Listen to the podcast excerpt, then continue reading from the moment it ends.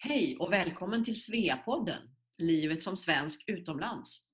Jag heter Anna Brill och jobbar med kommunikation och sociala medier för Svea International och bor strax utanför Stockholm. Tidigare har jag bott i London, New York och tio år i Moskva och jobbat med finans och marknadsföring. Och jag heter Maria Schacki och bor sedan ett år tillbaka i Italien, en och en halv timme norr om Rom. Jag är tidigare rektor och entreprenör. Samtidigt som livet i Italien nu så jobbar jag på distans för en svensk friskolekoncern som projektledare. Och jag har också ganska nyligen hittat hit till Svea. Men du Anna, varför en Svea-podd? Vad är tanken med det här? Ja, tanken med podden det är att eh, intervjua svenska kvinnor som bor eller har bott utomlands. Vi vill samtala med kvinnor som tagit steget och lämnat Sverige för några år eller kanske för hela livet. Deras vardag ser lite olika ut. De är i olika faser med både familje och arbetsliv. Några namn är mer kända och andra är nya. Vi lovar i alla fall inspiration från världens alla hörn. Ja, för Svea är ju en organisation med 7000 medlemmar i 33 länder och många sveor har en otrolig kunskap och fina berättelser om livet som svensk utomlands. Här i vårt premiäravsnitt har vi träffat Kristina Kapellin. En kvinna vars röst många säkert känner igen.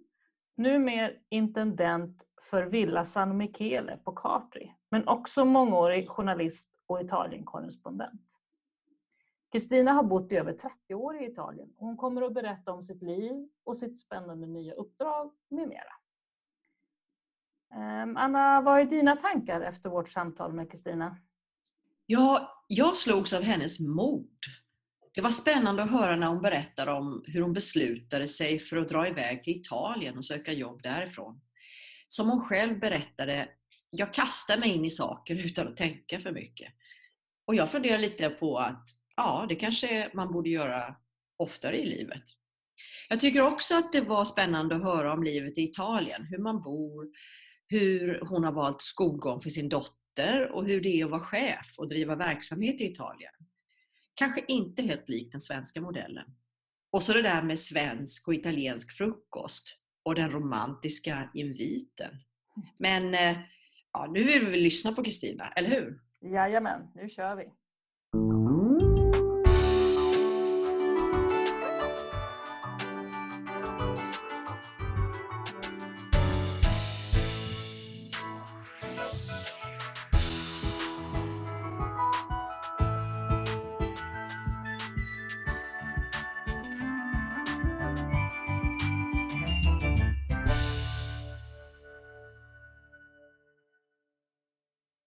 Hej, jag heter Kristina Kapelin och jag är eh, intendent och VD för Villa San Michele som är en svensk kulturinstitution som ligger på Capri.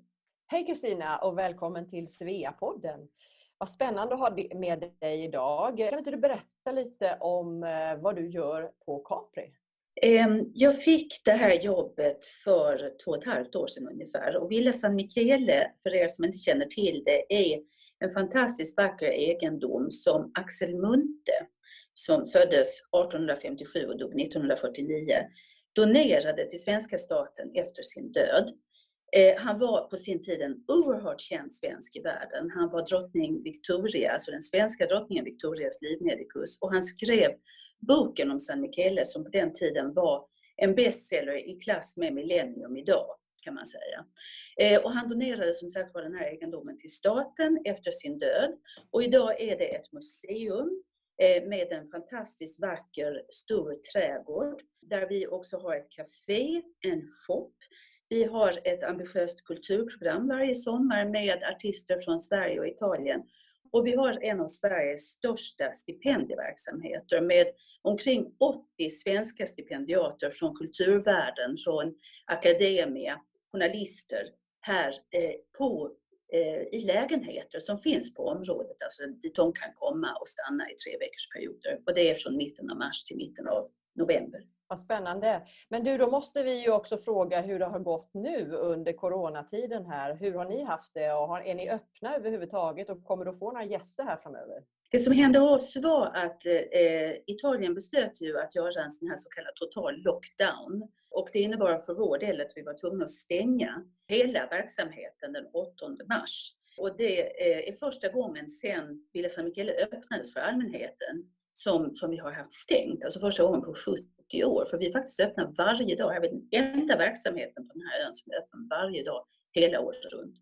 Och det här betyder alltså att vi har ännu inte kunnat ta emot några stipendiater som skulle ha börjat komma från mitten av mars.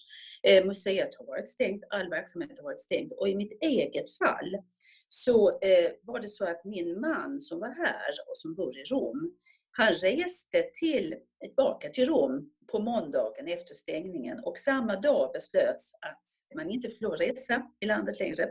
Så jag har faktiskt varit liksom den ensamma dagen på, damen på kobben här sen den 8 mars. Vilket innebär att jag gått in i någon sorts eremittillvaro som, eh, som har haft sina för och nackdelar kan man säga. Spännande. Ja, jag tänkte också, jag läste att eh, Villa San Michele här är en stiftelse. Hur, hur klarar ni er? Jag läste att ni är självförsörjande, men hur ska det gå då? Ja, nej, vi har väldiga problem som ju väldigt många företag har Eh, i världen idag och inte minst i kultursektorn. Därför att det är precis som du säger att även om vi alltså då ägs av svenska staten så är vi till 90 procent beroende av de intäkter som vi själva drar in med museibesökarna som då också eh, de betalar en inträdesbiljett, de kanske eh, äter någonting på vårt café, de kanske köper någonting i vår shop. Det är det vi lever på. Och på att hyra ut faktiskt. Man kan hyra Villa San Michele som är en oerhört vacker plats för bröllop eller företagsevent och så vidare.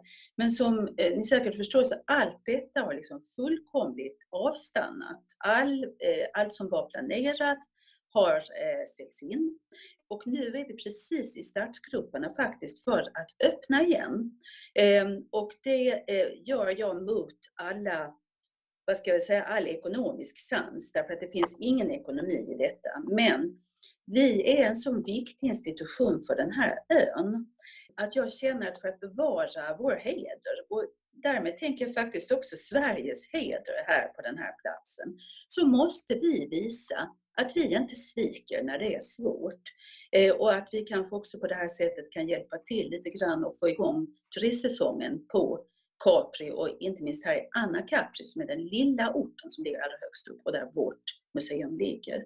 Om, om vi backar lite grann till, till allra från början. Eh, det här är ju en podd där vi ska prata med, med svenskor i världen.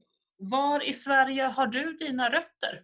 Ja, jag är född i Stockholm. Föddes i Stockholm på Södersjukhuset 1958 och flyttade och bodde då i Rågsved för mina föräldrar på den tiden var det sån bostadsbrist i Stockholm så man fick liksom bo där man, där man kunde hitta någonting.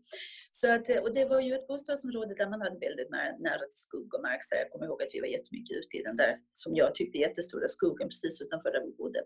Sen flyttade vi tillbaka till Malmö och där mina föräldrar är min pappa är ärkeskåning, eller var, och min mamma är uppvuxen i Malmö. Eh, och där växte jag också upp med en Italienbasil kan man säga som kom ifrån min mormor som började mormor och morfar började åka till, till Italien på charterresor redan på 50-talet och kom tillbaka med sådana sagolika historier om Italien. Att hela vår familj började resa till Italien och reste alltid till Italien. Och jag blev otroligt biten och tänkte att förr eller senare så vill jag förstå det där landet. Och sen blev jag journalist. Jag gick på Journalisthögskolan som det hette då i Göteborg. Ehm, detta var i början av 80-talet och 1984 sökte jag och fick ett stipendium till ett amerikanskt universitet i Bologna eh, som heter Johns Hopkins School of Advanced International Studies. Eh, och där gick jag i ett år för att bygga på min journalistutbildning så att säga med eh, faktiskt väldigt, vad ska vi säga, skräddarsydda studier som var möjliga att ta där som Contemporary Italian Politics, Contemporary Labour Relations, European History. Jag skaffade mig liksom en god grund. Och det var 1984. Och jag hade väl egentligen ingen, ingen tidsplan. Liksom. Jag hade bara eh, bestämt mig för att jag ville förstå Italien och att jag ville försöka frilansa ifrån Italien. Men hur länge det skulle bli eller så, det hade jag inte riktigt bestämt. Men sen eh, när jag väl började så såg jag ju att det gick väldigt dåligt i början, var väldigt svårt och knackigt och sådär. Och då bestämde jag mig för att jag skulle åtminstone inte komma hem med svansen mellan benen. Så att jag eh, hörde då av mig till en väldig massa olika medier i Sverige. Jag hade liksom börjat med att lägga alla mina ägg i samma korg, nämligen Sydsvenskan, som då gick väldigt dåligt. Och eh, nej, så jag skrev, för det gjorde man på den tiden, brev till alla möjliga tidningar och tidskrifter och TV och radio och allt vad du vill. Och sen åkte jag upp till Stockholm och tvingade mig in på redaktionen och, och liksom sa goddag, hälsade och sa goddag. Och sen kom jag tillbaka med jätte, jättemycket uppdrag. Och, eh, och, och, och sen blev jag kvar. Det, det, liksom, ni vet, det bara rullade på. Det var så roligt och det gick så bra så att det fanns ingen som helst anledning att åka tillbaka till Sverige. Du ville förstå Italien sa du. Gör du det nu? Ja. Därför att jag vet inte, men jag tror att många kvinnor som lyssnar på det här kanske kan känna igen sig i detta att man förälskar sig i ett land, man, ehm, man ser skillnaderna mellan det här landet och Sverige eh, och man börjar fundera över vad beror det här på? Vad är det som, på vilket sätt är vi olika? Och eftersom jag ju då också utbildar mig till journalist, journalistik handlar ju faktiskt väldigt mycket om att ta reda på saker och vara nyfiken. Så att eh, jag ville förstå det här eh, fantastiska och samtidigt väldigt komplexa landet. Och jag gjorde ju liksom en ganska så, vad ska jag säga, närmade ju mig det ganska akademiskt får man ju säga på det viset. Och det är jag glad för därför att eh, det hjälpte mig faktiskt väldigt mycket och sen tillkommer ju ens egna erfarenhet och sådär. Och sen så, så får man, blir bilden liksom, blir pusslet snart lagt kan man säga. Du, när jag mm. läste om dig här så slogs jag av eh, några saker och bland annat att du verkar vara en väldigt modig person.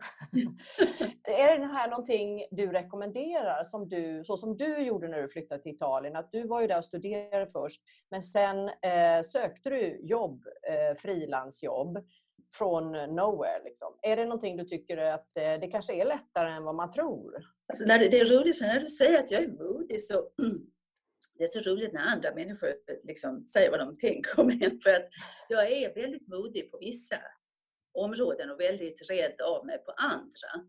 Men om det är bra eller dåligt vet jag inte, men jag har en, ska jag säga, en tendens att kasta mig in i saker utan att riktigt tänka igenom det före. Och på ett sätt kan det vara ganska bra, därför att då står man liksom inte och, och velar, utan man gör vad man, vad man tror liksom är rätt. Man följer sin vad ska jag säga, instinktiva, sin intuition. Ja, det gick ju bra för mig men, och det tror jag att det kan göra för väldigt många. Men man måste nog vara medveten om att det kräver, det har liksom ett pris. Att, eh, det kräver en väldig massa energi och envishet och man får inte ge upp. Och, man, och känner man att man inte orkar med det ska man naturligtvis låta det vara och åka hem igen, tror jag. Men för min del måste jag säga att även om det här att leva utomlands i nästan ja, vid det här laget har jag levt i Italien längre än i Sverige. Det, har ju, eh, det ger ju naturligtvis en viss rotlöshet. Men om jag ser till mitt, ja, jag måste nog säga ändå att det har berikat mitt liv någonting alldeles oerhört. Tror du att du hade kunnat söka jobb på italienska, eh, i italiensk media eller italienska företag lika enkelt? Eller är det, var den här strategin med att jobba för svensk media, den kanske var väldigt smart och kanske den enklaste vägen? Både och skulle jag vilja säga. Därför att Italien är ett land som Sverige är väldigt intresserat av. Men det är inget grannland och det är inte ett land där man satsar. Liksom det, åtminstone så var det då när jag började. Det var ingen, inga medier skulle liksom ha satsat på att sätta upp ett korrespondentkontor i Italien. Eh, men däremot visade det sig att de var jättenyfikna för det finns en massa olika eh, aspekter av det italienska samhället som faktiskt intresserar eh, Eh, Sverige. Så att eh, jag tror det där med att att vara ett nischland kan vara en väldigt bra grej. Att det, att det kan vara möjligen ett råd till någon. Att, att det kan vara svårt att liksom ge sig iväg till USA eller till London eller ja, alltså ett, ett land där det finns många och där många talar det där språket och så vidare. Där tror jag det är mycket svårare än som i mitt fall om man om man ger sig iväg till ett ställe som är svårt att begripa och där folk där man egentligen måste förstå landet och språket för att kunna agera. Så att säga. Sådana länder tror jag man ska, kan våga kasta sig in i lite mer. Ser du stora skillnader i arbetslivet i Italien jämfört med Sverige? Ja, enorma. Och då? Och, eh, och nu genom att jag ju har så att säga lämnat ett liv som frilans och faktiskt nu blivit arbetsledare och VD i ett italienskt företag eh, så kan jag ju bara säga att eh, det är intressant också att, att se att tidigare stod jag, även om jag kände mig som väldigt mycket en del av det italienska samhället, så var jag ändå någon som stod utanför och tittade in. Nu är jag någon som är där på insidan. Och jag ser de enorma skillnaderna och de enorma svårigheterna på många, i många avseenden att leda en verksamhet i Italien. Som vad då till exempel? Otroligt mycket byråkrati eh, som verkligen är en enorm bromskloss för eh, den italienska företagsamheten. Väldigt höga skatter och väldigt mycket skatter Ja, jag skulle säga att det är de två, de två riktigt, riktigt besvärliga. Du, du, nämnde när jag lyssnade på en annan intervju med dig att det är väldigt mycket korruption i Italien. Det känner väl många till. Men, mm. och du, skrev, du sa också vid något tillfälle att har man inga kontakter så mm. kommer man ingenstans. Är det så för dig också som utlänning? Alltså, ehm, det är skönt att kunna säga att vad gäller korruption så har vi inget problem med det här, tack och lov. Vad gäller kontakter så är det verkligen, och jag skulle vilja säga att, att för, även som journalist var det många gånger mycket bättre att tacka ja till ett cocktailparty än att eh, liksom, sitta och ringa i all evighet och försöka få tag på människor som aldrig någonsin skulle svarat ändå. Eh, och att känna någon som känner någon är liksom verkligen vägen fram i Italien. Man säger ju det, ringer man till någon så säger jag ringer därför att eh, si och så har sagt att det går bra och så där vidare. Det, man går väldigt, väldigt mycket på kontakter och överhuvudtaget att att kunna så att säga, röra sig socialt i Italien är väldigt viktigt för att, eh, för att uppnå det man vill. Så viktigare än i Sverige menar du till exempel? Jag tror det faktiskt. Sverige är lite... I Sverige är liksom saker och ting ändå ganska svart och vita, även om jag, jag tror att social competence liksom är jätteviktigt överallt. Men, eh, men just kontakter och att nå fram till människor så att säga kan, är nog förmodligen lite lättare i Sverige, även om du inte har eh, liksom känner vederbörande, känner någon som känner hen. Du, du sa också någonstans där jag läste om dig att, att det är nästan lättare att vara kvinna och arbeta i Italien än i Sverige. För att männen lyfter fram kvinnorna på ett annat sätt. Stämmer det eller? I det sammanhanget tror jag faktiskt att jag talade om, eh, det var ju så att jag mycket oväntat halkade in i sportjournalistiken. Och det berodde ju faktiskt huvudsakligen på att jag liksom insåg att det fanns egentligen två områden som liksom inte var täckta. Eller där det fanns en stor efterfrågan på journalistik i Sverige från Italien. Och sport var ett och ekonomi var det andra. Och båda två var två områden som för mig var som, liksom, ni vet, hicks und leones. Alltså det vill säga, jag kände inte till det överhuvudtaget. Och eh, i sportjournalistiken när jag började så var det egentligen inga kvinnor som, som gjorde sportjournalistik. Så att eh, så att då, och då var liksom, genom att Italien är, ett, Italien är ett märkligt land på så vis att det är å ena sidan ett väldigt manschauvinistiskt land. Det är å andra sidan ett land där män är väldigt artiga mot kvinnor liksom, i, i sådana här enkla situationer som att man bjuder på kaffe och man låter damerna gå först och så vidare. Så att det var liksom en, en absolut en, en fördel för mig där. Eh, då. Då var jag i 30-årsåldern. Nu är jag i 60-årsåldern. Och jag tror inte jag hade haft riktigt samma fördelar idag, om jag säger så.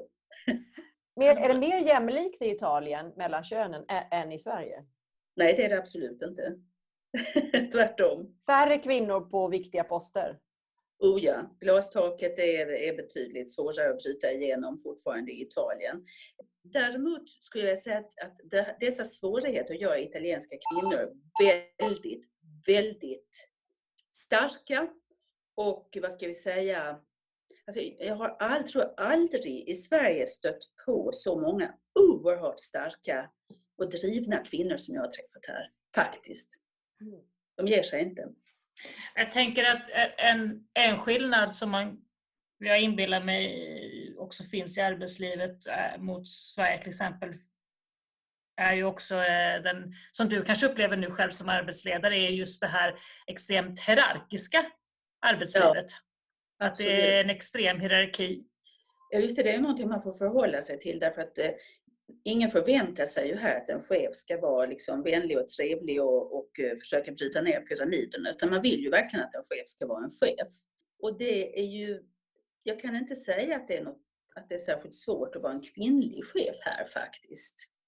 Och, nu tänker jag alltså gentemot mina manliga medarbetare, därför att de, jag är deras chef och därför alltså bestämmer jag. Så enkelt är det liksom. Det spelar ingen roll om man är man eller kvinna.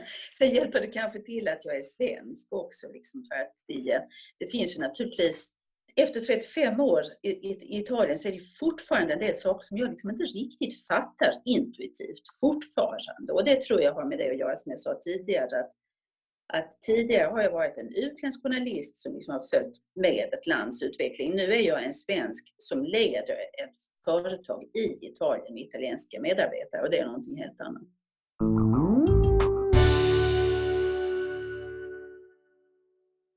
Ja, Anna, kan inte du berätta lite mer om Svea för de som inte har hört talas om oss förut? Vad är Svea? Ja, Svea är en helt fantastisk och unik organisation för svensktalande kvinnor som bor eller har bott utomlands. Svea grundades 1979 i Kalifornien av Agneta Nilsson och är ett självklart nätverk för dig som är svenska och bor utomlands. Men namnet Svea då, vad betyder det? Svea är en förkortning av Swedish Women's Educational Association vi är en global ideell förening med 7000 medlemmar i ett 70-tal lokala avdelningar i över 30 länder. Och vad händer i Svea då? Varför ska man vara med?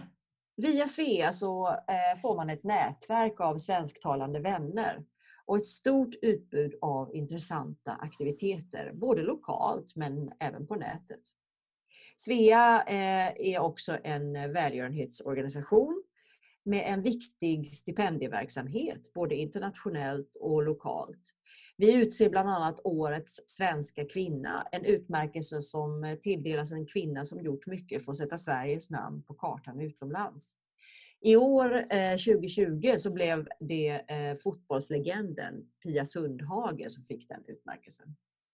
Du hittar mer information om Svea International och alla våra lokala avdelningar på vår webbplats svea.org och varmt välkommen att bli medlem i Svea.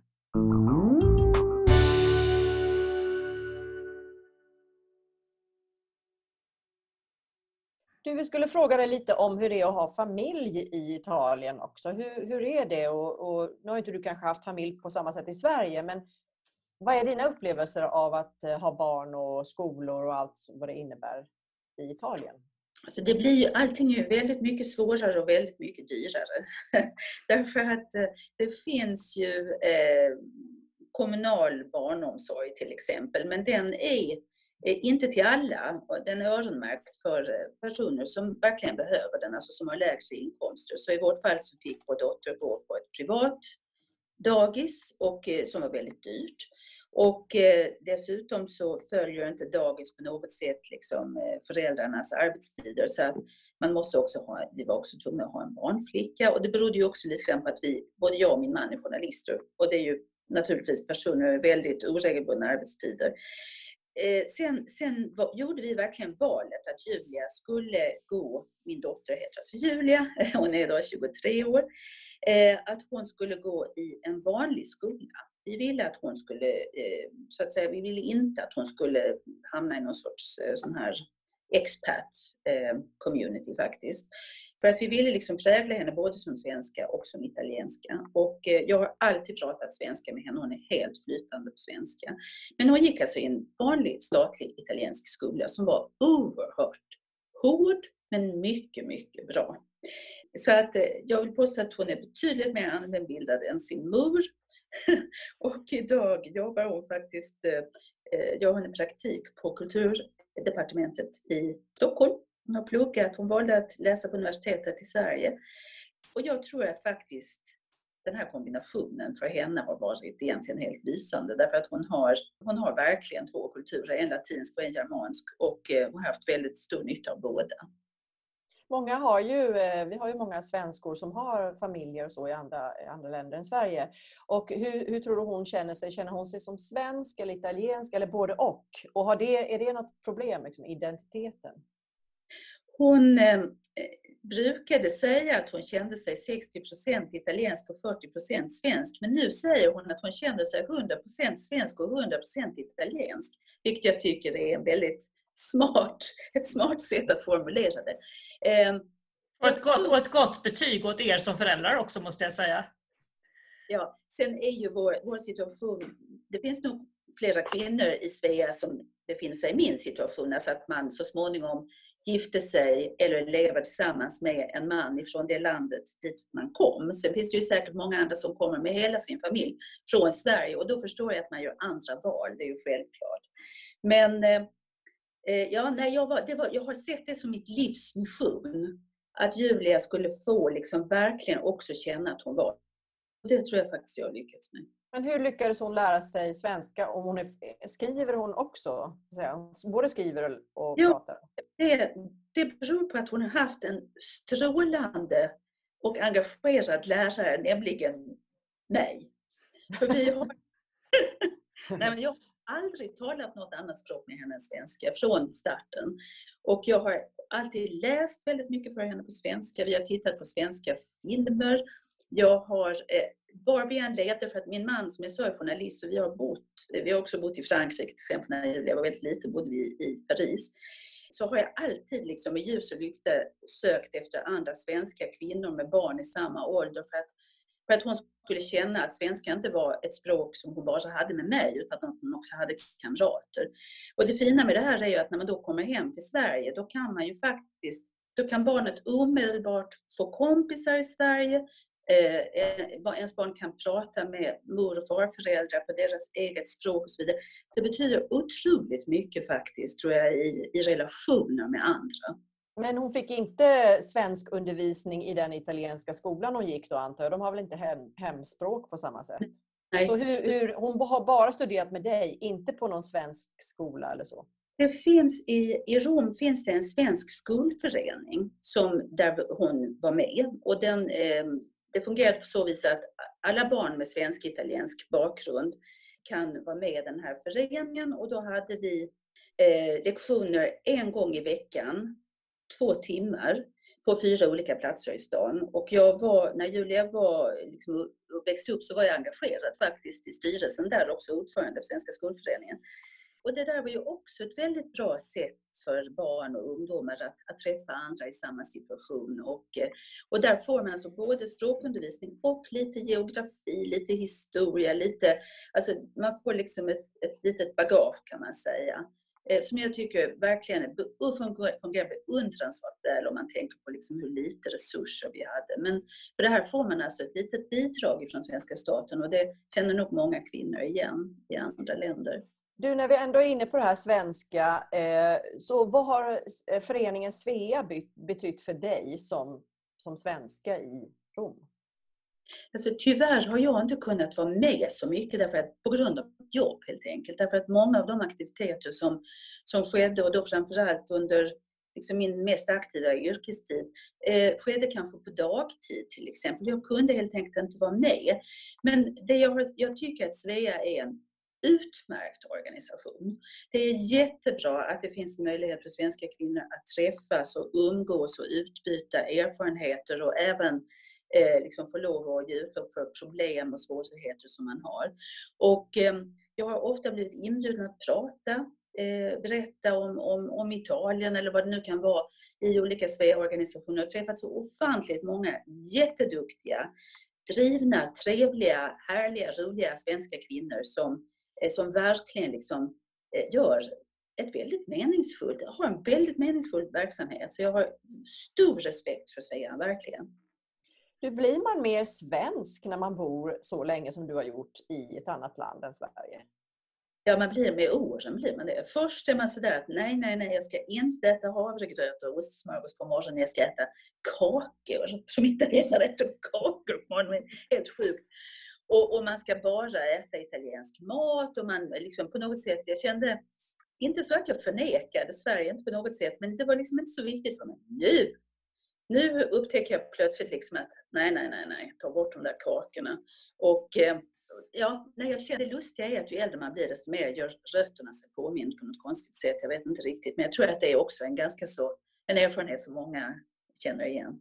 Vi pratade lite grann om arbetsliv och familjeliv och, och skillnader och så vidare mot Sverige. Hur, hur fungerar boendesituationen i Italien? Hur, hur bor folk? Om du jämför med Sverige. Ja, eh, när jag kom till Italien så tyckte man ju det var väldigt underligt att hyra. Alltså, att hyra en bostad var, är för de flesta italienare likvärdigt med att eh, ta sina sparpengar och kasta ut dem genom fönstret. Så att eh, det där med liksom, den enda investering som en italienare tror på det är att investera i fastigheter. Och eh, vi hyrde i väldigt många år och till sist så köpte vi och nu i Sverige, även i Sverige idag så är det ju väldigt många som köper sin bostad. Men så, så vi köpte som sagt var man bor Ja, i det avseendet ser jag ingen större skillnad egentligen. Jag tänker på standard och så också om du tänker på sådana här saker som i Sverige så renoverar man ju kök eh, var tionde år. Jag har uppfattningen att det inte riktigt fungerar på det sättet i, i Italien. Nej, alltså bara nu när du säger det så, så liksom måste jag ju här liksom med, råd, med rodnad på kinderna erkänna att, att vårt kök köptes på IKEA i Milano. 1992 och det har väl åkt upp och ner nu. Jag vet inte hur många flyttat, tre eller fyra flyttade det ser verkligen jätteskruttigt ut. Så det är verkligen dags att göra den där lilla renoveringen. Men eh, jag tror att det har ändrats rätt så mycket. Alltså jag kommer ihåg att det slog mig liksom hur fult jag tyckte det var hemma hos de flesta italienare när jag kom till Italien. Alltså man inbillar sig att italienarna är, liksom är så, har så väldigt god smak och liksom, så tyckte jag att allting var så fult. Men, men det kan ha, möjligen ha haft med att göra också att det var Rom och det var liksom, allt var väldigt tunga mörka möbler tycker många italienare om och liksom gärna så lite barockinspirerat. Det är inte så konstigt vad gäller Rom. Medan i Milano kanske det var på ett annat sätt. Och nu tycker jag att italienarna, nu märker man liksom att italienarna har ett mycket större intresse för heminredning än vad man hade då. Standard, ja, jo men det, jag tror att eh, allt det där, det känns som att under de här 35 åren jag varit i Italien så har nog de europeiska länderna faktiskt strömlinjeformats ganska mycket. Att skillnaderna var väldigt mycket större för 35 år sedan än vad de är idag. Är det stor skillnad eh, inom Italien, jag tänker inte bara på bostad utan rent generellt norra och södra Italien? Jag vet att du har ju studerat det där ganska mycket. Ja, nej men det är ju, det är ju faktiskt den stora skiljelinjen. Det är, alltså, för Italien är ju ett väldigt delat land i väldigt många avseenden. Men den riktigt, riktigt stora skiljelinjen går kan man väl säga från, eh, vi kan väl dra den någonstans mellan Rom och Neapel. Eh, och, eh, och jag har ju bott, jag har bott i Milano, jag har bott i Bologna, jag har bott många år i Rom och nu bor jag alltså på Capri som är en ö som ligger utanför Neapel. Så jag bor verkligen i södra Italien nu.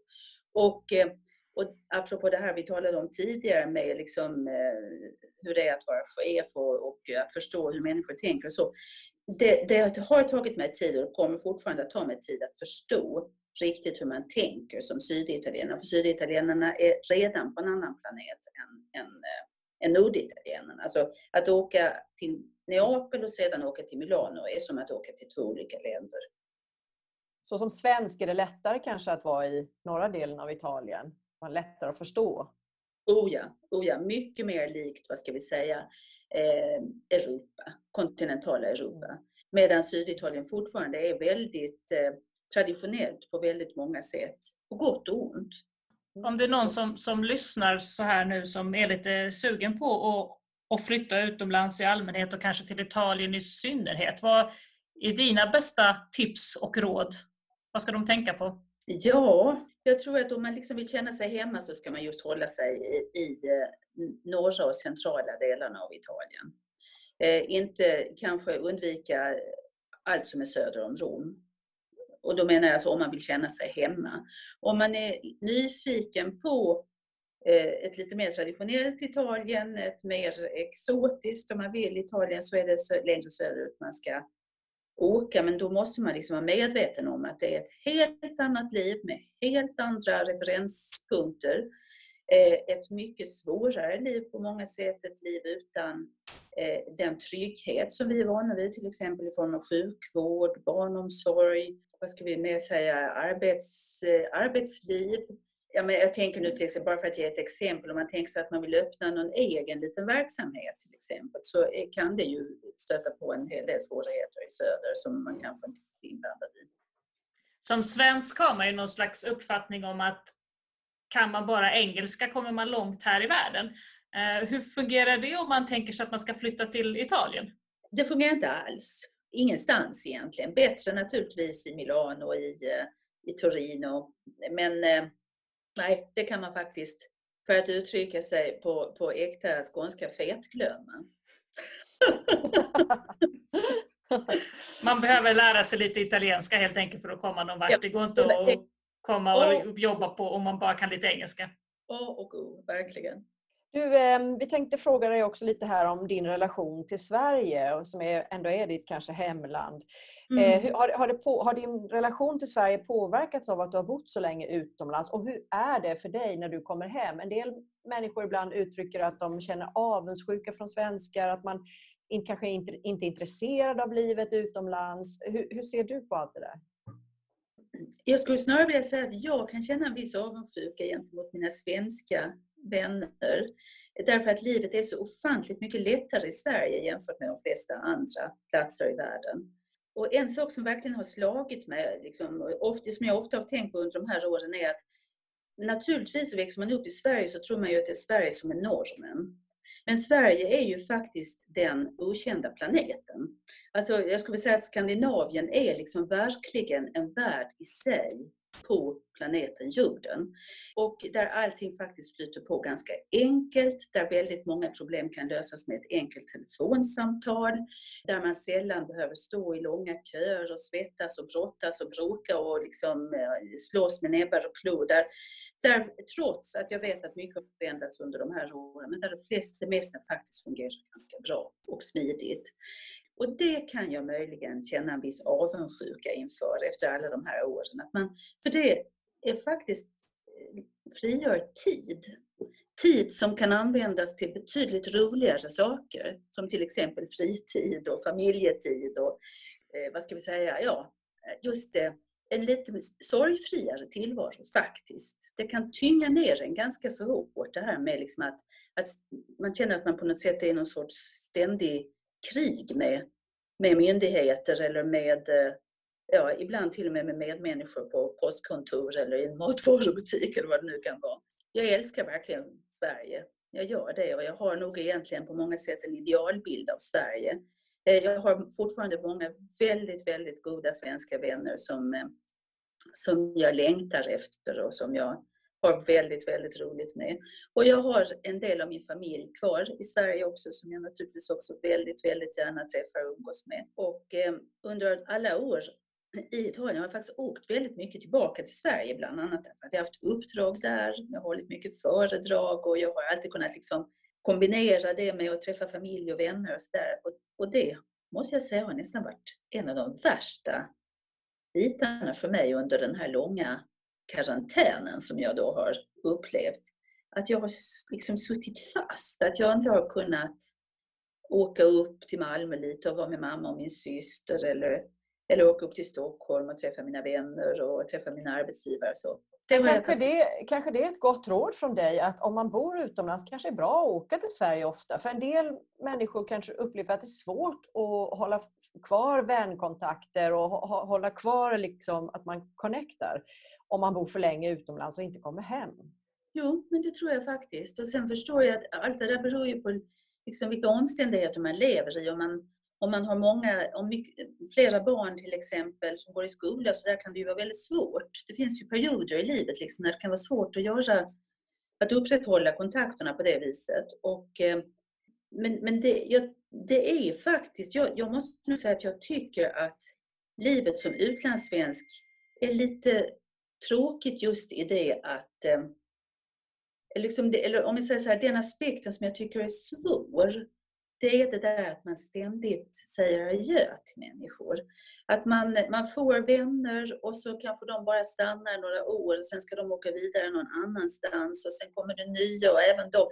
Man blir väldigt van vid att ta avsked av personer och det är lite tråkigt. Alltså jag tror därför att det är viktigt att man odlar eh, vänskaper. Att man, om, de nu, om det nu är människor man har träffat i sitt nya land som flyttar vidare, då kanske det är till dem man ska åka. Om man har tappat kontakten med sina vänner i Sverige. Men, men att det är viktigt att man får någon sorts fotfäste. Alltså det finns en viss risk för att man till sist liksom inte riktigt vet vem, var man har hemma eller vem som man ska umgås med. Någon Den här... som kommer att flytta hem till Sverige? Vad är hem? är då andra frågan. Liksom. Eh, nej, jag, jag, inte permanent. Det tror jag inte. Nu är jag ju, om några år så så kanske jag då eh, drar mig tillbaka. Det beror lite grann på hur länge de står ut med mig här på Villa San Michele. Men eh, jag kanske skulle kunna tänka mig att bo en del av året i Sverige.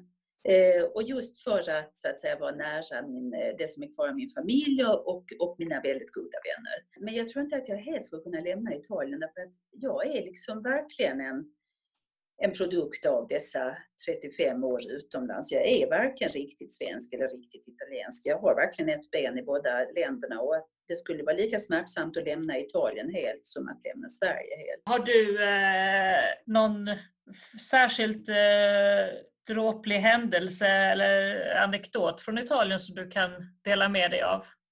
Min första arbetslivserfarenhet i Italien, jag har faktiskt skrivit om det också i en av mina böcker, den som heter Italiensk dagbok. Och det var när jag precis hade slutat studera i Bologna. Så fick jag ett sommarjobb på en vetenskaplig organisation som höll på att organisera en stor internationell konferens och de behövde någon som talade engelska och kunde skriva på engelska. Och jag fick då ett kontorsjobb där och var liksom verkligen längst ner i hierarkin, den berömda hierarkin vi talade om tidigare. Så, och eh, på riktigt dåliga italienska arbetsplatser så har man en despotisk och eh, aggressiv chef och sparkarna fortplantas liksom neråt. Så att är man längst ner på, eh, i den här pyramiden som jag var, då, då får man väldigt mycket skit. Och jag hade då en, min närmsta chef behandlade mig väldigt illa i början. Så att jag faktiskt gick därifrån och grät, liksom, var helt förtvivlad. Och jag gick och funderade på liksom hur jag skulle få någon ordning på det här. Och, eh, han, de hade ju anställt mig för att jag talade engelska och han ville gärna förbättra sin engelska. Och jag talade ju väldigt dålig italienska. Och då tänkte jag, men då, eh, vid ett tillfälle så sa han att han skulle gärna vilja att vi talade engelska så att eh, han lärde sig lite bättre. Och då insåg jag att där hade jag liksom min chans att ändra det här styrkeförhållandet. Därför att han kunde ju liksom racka ner på mig, bland annat därför att jag inte kunde försvara mig språkligt. Liksom. Så att jag eh, gick in för det där med liv och lust. Liksom. Och plötsligt så var det ju jag som kunde och han som inte kunde.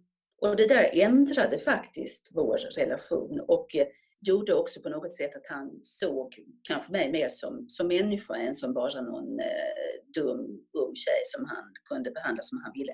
Sen gjorde han naturligtvis också det som många italienska män gör, nämligen han gjorde liksom en väldigt framfusig, eh, vad ska vi säga, ja, han försökte. Och, eh, eh, och då sa jag bara, tittade på honom, stint i ögonen och sa nej, det vill jag absolut inte.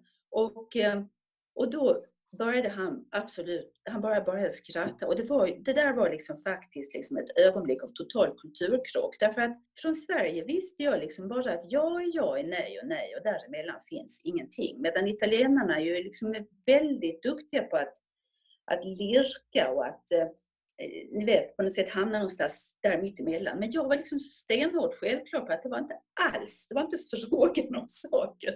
Och eh, detta att jag var så tydlig gjorde också att han helt backade och konstigt nog inte tog illa upp utan därefter så var vår relation en utmärkt arbetsrelation. Mycket trevlig och mycket korrekt på alla sätt och vis. Det är ju ganska roligt så här i efterhand. Har du mm. någonting som du ville avsluta med att säga här till, till eh, svenskor som funderar på att flytta utomlands och bo, och leva och jobba? Förlåt, jag skrattade för att det är, det är ju en sån... Det är faktiskt en väldigt ett, det är en, ett komplext steg att ta. Jag, jag ska säga så här, att jag är skapt sån att jag tänker inte före, jag bara kastar mig in i saker. Och det finns ett stort antal fördelar med det och det finns några nackdelar med det också.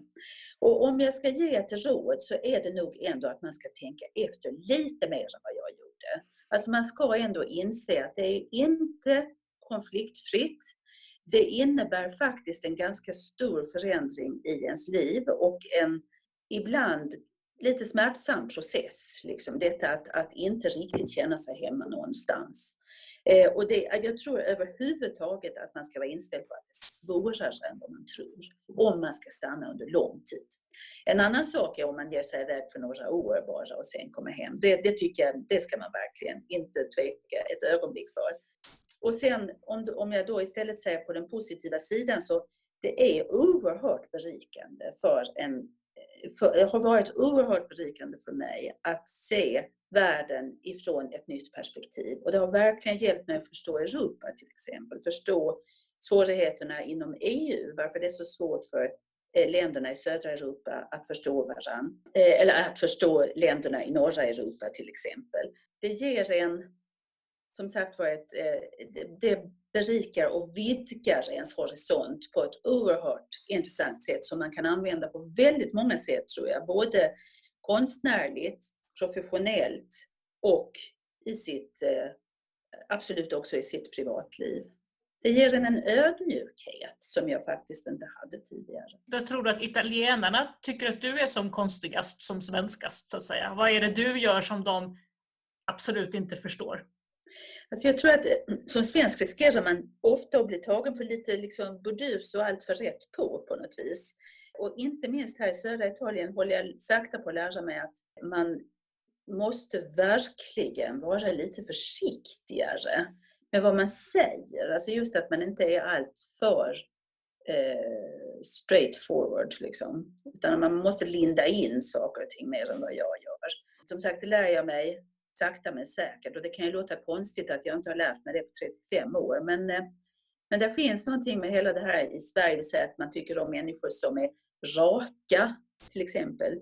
Man tycker om människor som är ärliga och uppriktiga. Man tycker om eh, människor som eh, tar väldigt tydlig ställning för och emot och sådär. Det är inte nödvändigtvis egenskaper som man älskar i andra länder. Jag tror att man ska vara ganska uppmärksam på det. Hur, jag tänker, hur går det ihop då, jag tänker med den här bilden man har av den högljudda italienska middagen? När alla diskuterar och man har en upplevelse av att alla är osams fast de bara pratar. Eh. Jo men det är de ju. Alltså, de älskar ju att debattera, man älskar att höra sin egen röst, man älskar, älskar att argumentera. Men däremot är det faktiskt nästan lika tabu att bli...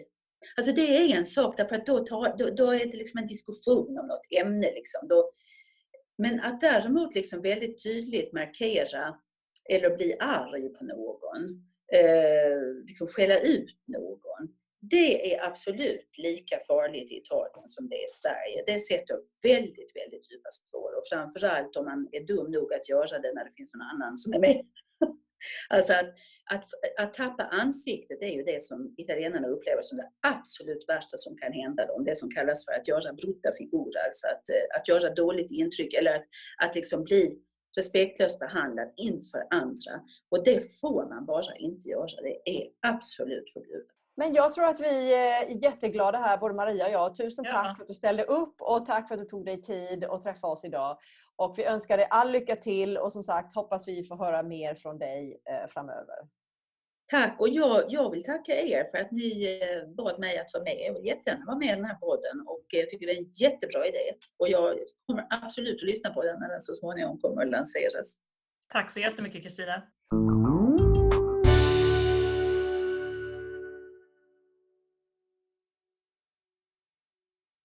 Tack för att du har lyssnat. Vi finns just nu på Podbean, men kommer snart att även finnas på alla andra kända ställen där du hittar poddar. Den här podden är inspelad och producerad för Svea International av Anna Brill och Maria Schackin. Musiken är skriven för Svea av Fredrik Åkerblom. Mer information om Svea hittar du på vår webbplats svea.org och i sociala medier finns vi på Facebook, Instagram och LinkedIn. Där hittar du oss som Svea International.